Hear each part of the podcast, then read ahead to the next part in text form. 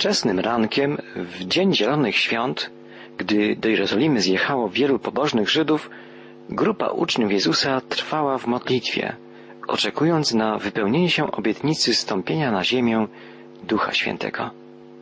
Czytamy o tym w drugim rozdziale dziejów apostolskich.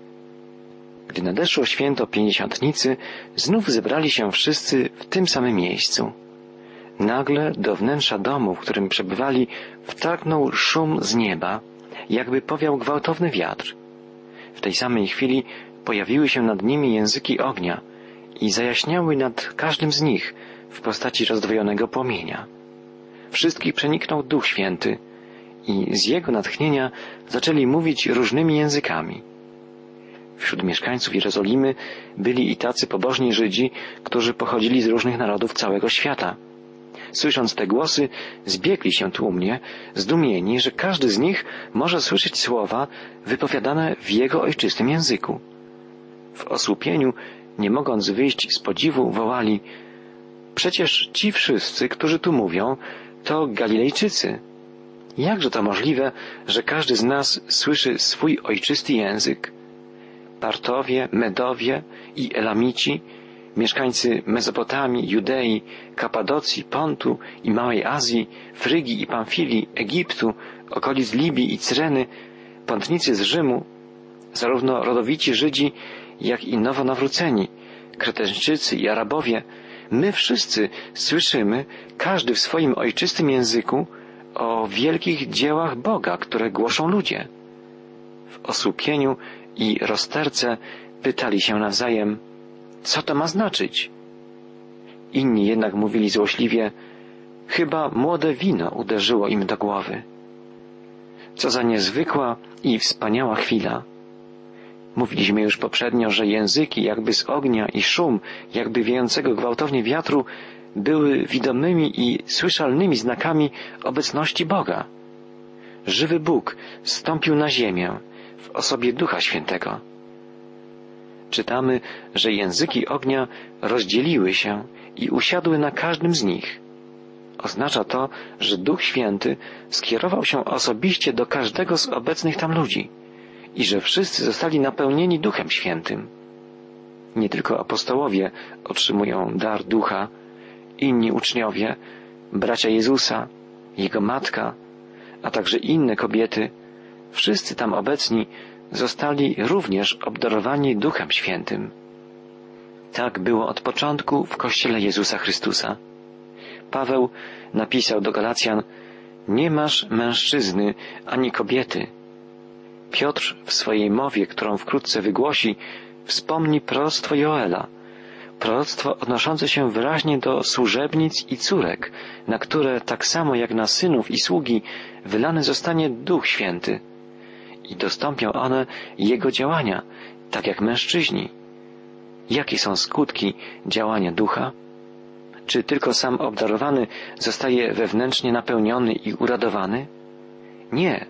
Potężne dzieła Boże nigdy nie dokonują się tylko po to, żeby nas osobiście uszczęśliwić, ale zawsze na Jego chwałę przygotowują ludzi na przyjęcie Boga i na pracę pośród innych w Bożym dziele zbawienia. Tego doświadczają teraz uczniowie. I zaczęli mówić innymi językami, tak jak im duch poddawał, czytamy. Duch Święty poddawał im, co mają mówić. Użyte tu słowo wskazuje na mówienie natchnione i pełne żarliwości. Uczniowie wcale nie wygłaszają kazań. Kazanie wygłosi dopiero Piotr. Zresztą, jak tylu ludzi naraz mogłoby wygłaszać kazanie? Kto byłby w stanie ich wysłuchać? Mówienie językami było wielbieniem, wysławianiem Boga, wychwalaniem i dziękczynieniem. Uczniowie, modląc się językami, chwalą wielkie czyny Boga. Rzeczywistość i wspaniałość Boga, ukazana w Duchu Świętym, jest tak nadzwyczajna, że mogą tylko wielbić i chwalić Boga. Zapominają całkowicie o sobie i o wszystkim, co ich otacza. Duch Święty objawia im Bożą mądrość, Bożą świętość, miłość przekraczającą ludzką zdolność pojmowania i wyrażania. uczniowie są całkowicie zwróceni ku Bogu, a jednak ich modlitwa staje się świadectwem dla ludzi i początkiem powołania ich jako świadków, zgodnie z obietnicą Jezusa, iż staną się świadkami. Czytamy, że gdy powstał ten szum, a szum oznacza tu zapewne wszystko to, co było słychać, a więc szum jakby wiatru i głośne modlitwy i wielbienie Boga przez uczniów, wówczas zgromadził się tłum. Wiemy, jak to się zazwyczaj odbywa. Z początku przystaje parę osób, do nich dołączają inni, a w Jerozolimie pełno było przecież pielgrzymów, pobożnych Żydów z różnych stron świata, przybyłych tu na święto tygodni. Dzieje się prawdziwy cud. Każdy z tych ludzi słyszy uczniów mówiących w ich własnym języku. Każdy może zrozumieć, jak wielbią oni Boga za Jego wielkie dzieła. Autor dziejów apostolskich nie próbuje wyjaśniać ani bliżej opisywać tego wydarzenia. Byłoby to równie niemożliwe, jak opisanie zmartwychwstania Jezusa albo Jego w niebo wstąpienia. To, co tutaj się dzieje, jest tak samo znakiem, jak szum wiejącego wiatru czy języki ognia. Słuchający uczniów to przecież Żydzi, tyle że pochodzący z różnych stron świata. Na pewno znają jednak język aramejski. Potem zresztą Piotr wygłasza kazanie w tym języku i słuchacze go w pełni rozumieją. Jednak chodzi tu o znak, znak stąpienia na ziemię Ducha Świętego. Dlatego zebrani przeżywają cud słyszenia uwielbiania Boga w językach krajów, w których mieszkają. Dar mówienia językami i cud ich słyszenia w Dniu Zielonych Świąt mają ogromne znaczenie jako znaki. Mówi się często, że Zielone Święta są odpowiednikiem pomieszania języków po wybudowaniu wieży Babel i są niejako miłosiernym anulowaniem tego wydarzenia. Nie jest to zupełnie trafne. Po pierwsze, ludzie zgromadzeni w Jerozolimie nie byli członkami różnych narodów, lecz wyłącznie Żydami. Po drugie, zamiast różnych języków nie słyszeli wcale jakiegoś boskiego esperanto, ale każdy swój własny język. Różnorodność języków nie została więc wcale zniesiona. Możemy powiedzieć, że surowość sądu Bożego nad wieżą Babel nie polegała na tym, że ludzie zaczęli mówić różnymi językami, ale na tym, że nie byli w stanie nawzajem siebie zrozumieć. W Dniu Zielonych Świąt Bóg pozostawił różnorodność języków, zesłał jednak w Duchu Świętym dar zgodnego słyszenia i rozumienia uczniów głoszących Jego chwałę. Również i dzisiejsza ewangelizacja i misja nie zastąpiła jednym ogólnoświatowym językiem języków różnych narodów, żeby znieść ich pomieszanie, ale z głęboką miłością i pilnością rozpoczęła przyswajanie sobie języka każdego narodu, z poszczególnymi jego dialektami włącznie. I rzeczywiście w pracy misyjnej każdy w swoim języku powinien słyszeć o wielkich dziełach Bożych.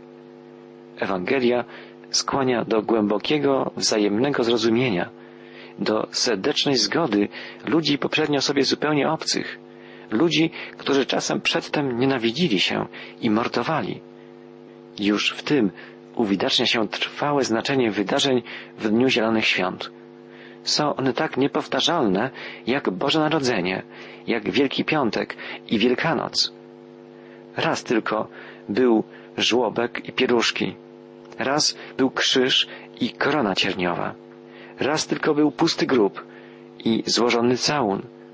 I raz tylko przyszedł na ziemię Duch Święty. Wstąpił na ziemię w słyszalnym i odczuwalnym szumie, jakby gwałtownego wiatru, w postaci jakby języków ognia.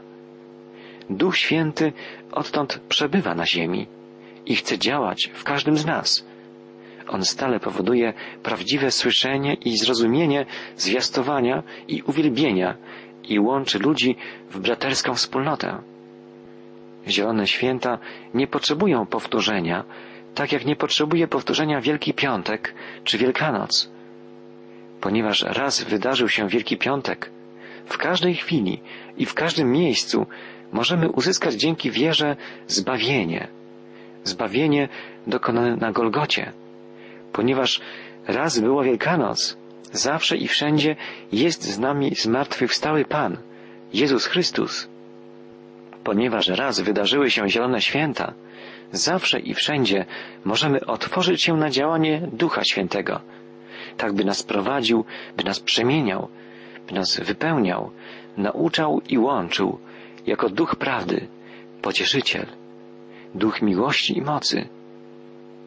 Słuchający mówili, słyszymy ich, jak w naszych językach głoszą wielkie dzieła Boże. Uczniowie nie mówią o sobie, lecz o Bogu. Nie mówią o swoich myślach, przekonaniach, nastrojach czy uczuciach.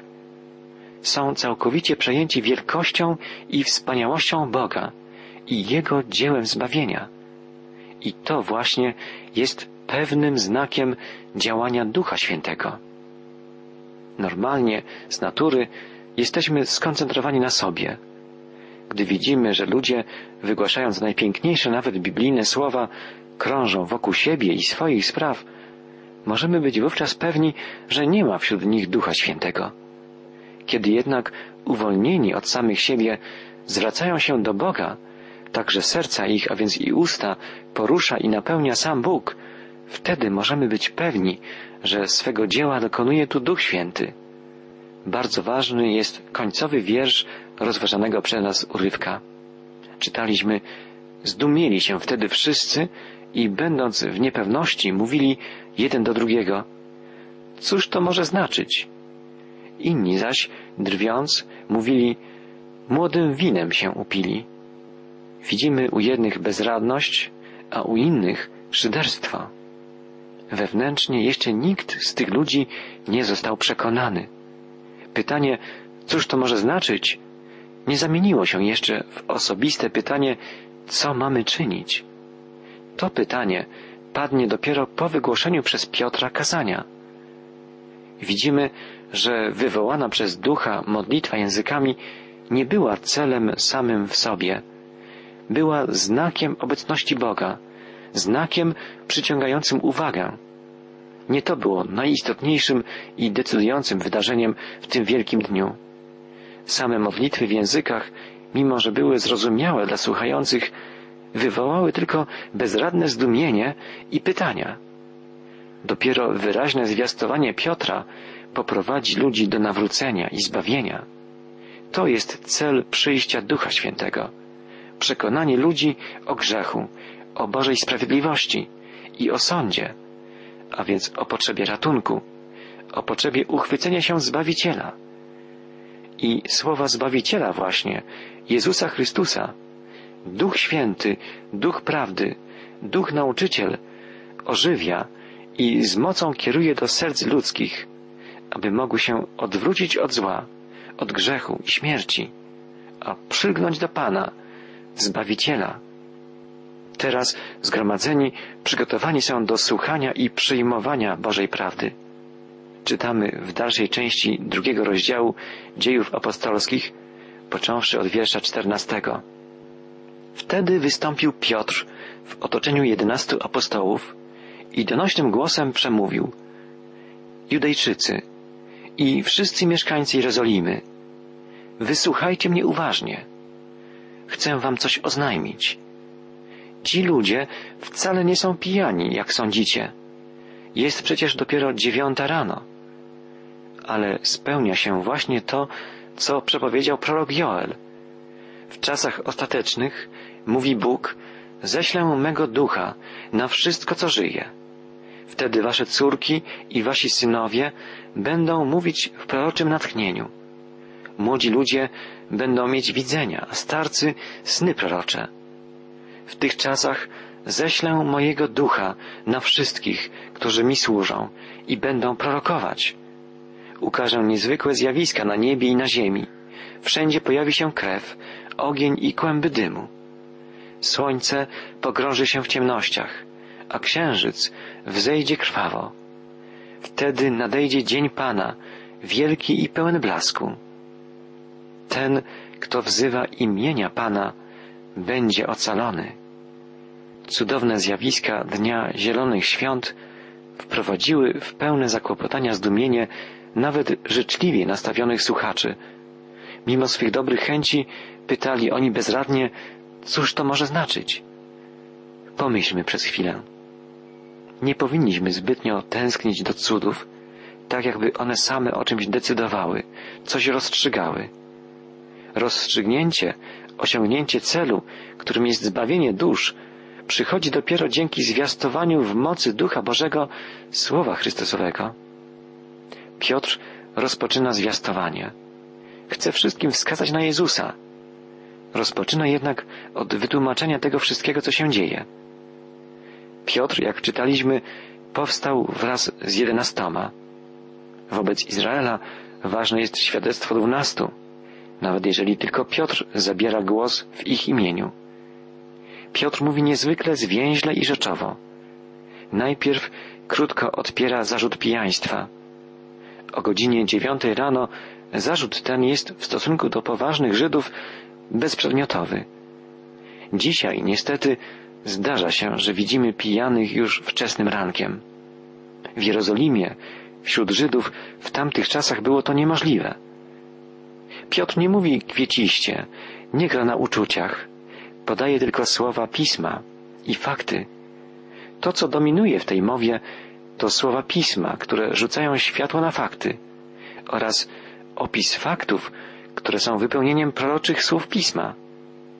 Oczywiste jest, że dla tych słuchaczy słowa pisma były absolutnym autorytetem, a fakty widzieli na własne oczy, bezpośrednio w nich uczestniczyli. Kazanie Piotra było więc w najwyższym stopniu aktualne. Zwróćmy uwagę, że wzajemny związek faktów i słów Pisma Świętego uderzał w samą istotę bytu każdego Żyda i trafiał bezpośrednio do jego serca. Piotr przedstawia swoim słuchaczom obietnice Pisma i ich wypełnienie się w faktach. Jego mowa jest prosta i naturalna. Piotr nie obciąża swego kazania sprawami, których słuchacze nie mogą jeszcze pojąć. Mówi tylko o tym, co potrzebne jest w tej właśnie sytuacji. Piotr zwraca się do tych, którzy byli zdumieni i wstrząśnięci i pytali bezradnie, cóż to może znaczyć? Daje im apostoł jasną i pewną odpowiedź. Tutaj jest to, co było zapowiedziane przez proroka Joela i przedstawia im proroctwo Joela. Potem mówi, dziś wypełniło się to pismo w waszych uszach. Tak samo kiedyś powiedział Jezus, kiedy w Nazarecie czytał w synagodze fragment proroctwa Izajasza. Jak niezwykłe musi być to przeżycie, gdy zwiastuje się ludziom, że dawna przepowiednia wypełnia się na ich oczach, że słowo biblijnego proroctwa staje się w ich obecności teraźniejszością. Pamiętamy, że w Nazarecie, gdy Jezus czytał proroctwo Izajasza, oczy wszystkich w synagodze były w nim utkwione. Jak czytamy w Ewangelii, wszyscy przyświadczali mu i dziwili się słowom łaski, które wychodziły z jego ust. A teraz w imieniu Chrystusa przemawia apostoł Piotr. Słowa proroka Joela które cytuje apostoł, są słowami o czasach ostatecznych. Piotr mówi tym samym, że wydarzenia Zielonych Świąt należą do wydarzeń ostatecznych, zanim przyjdzie Dzień Pana, wielki i wspaniały. Nastaje oczekiwany, zapowiadany i utęskniony czas. Cały Nowy Testament opiera się na pewności, że czas ostateczny trwa gdy porównamy słowa Piotra i proroctwo Joela, zauważymy, że Piotr dokonał drobnej, wyjaśniającej zmiany. Bóg zapowiadał przez usta proroka, że zesłanie ducha na wszelkie ciało obejmować będzie nawet niewolników i niewolnice, co zresztą w młodym kościele stało się dosłownie prawdą. Piotr mówi natomiast na sługi moje i na służebnice moje ześlę ducha. Tak, Bóg rozpoczął wypełniać swoją obietnicę od tej małej grupy Jego oddanych sług i służebnic zebranych w Jerozolimie. Piotr cytuje także słowa proroka o cudach w górze na niebie i znakach na dole na ziemi. Wydaje się, że nie przyszedł jeszcze na nie czas. Czas ostateczny jest długi i bogaty w treść. Chociaż wspomniane tu kłęby dymu, krew i ogień widzimy w ostatnich dziesięcioleciach w rozmiarach prawdziwie apokaliptycznych. Gdy mówi się o czasach ostatecznych, wtedy każdy staje bezpośrednio przed powagą sytuacji. W czasie ostatecznym przyjdzie dzień Pana, wielki i wspaniały. Gdy cały ten świat zawali się, a Bóg wystąpi w całym blasku swej chwały, świętości i sprawiedliwości i będzie sprawował swoje nieomylne sądy, gdy nikt nie będzie mógł już uciec czy ukryć się, gdy sprawa będzie szła o życie wieczne lub wieczną śmierć, któż się wtedy ostoi? Oto pytanie wszechczasów, pytanie najważniejsze. W Ewangelii od początku nie chodzi o pomoc w różnych życiowych nieszczęściach, ani o poprawę obyczajów czy religijności człowieka. Nie. Chodzi o zbawienie. Chodzi o zbawienie w dniu pańskim, w dniu wielkim, wspaniałym, ale i strasznym. Odpowiedź na postawione przez nas dramatyczne pytanie, któż się ostoi, jest jedna. Każdy, kto wzywa imienia Pana, zbawiony będzie. Zawsze, gdy mówimy o imieniu Pana, chodzi o imię ukrzyżowanego i zmartwychwstałego Pana i Zbawiciela, Jezusa Chrystusa.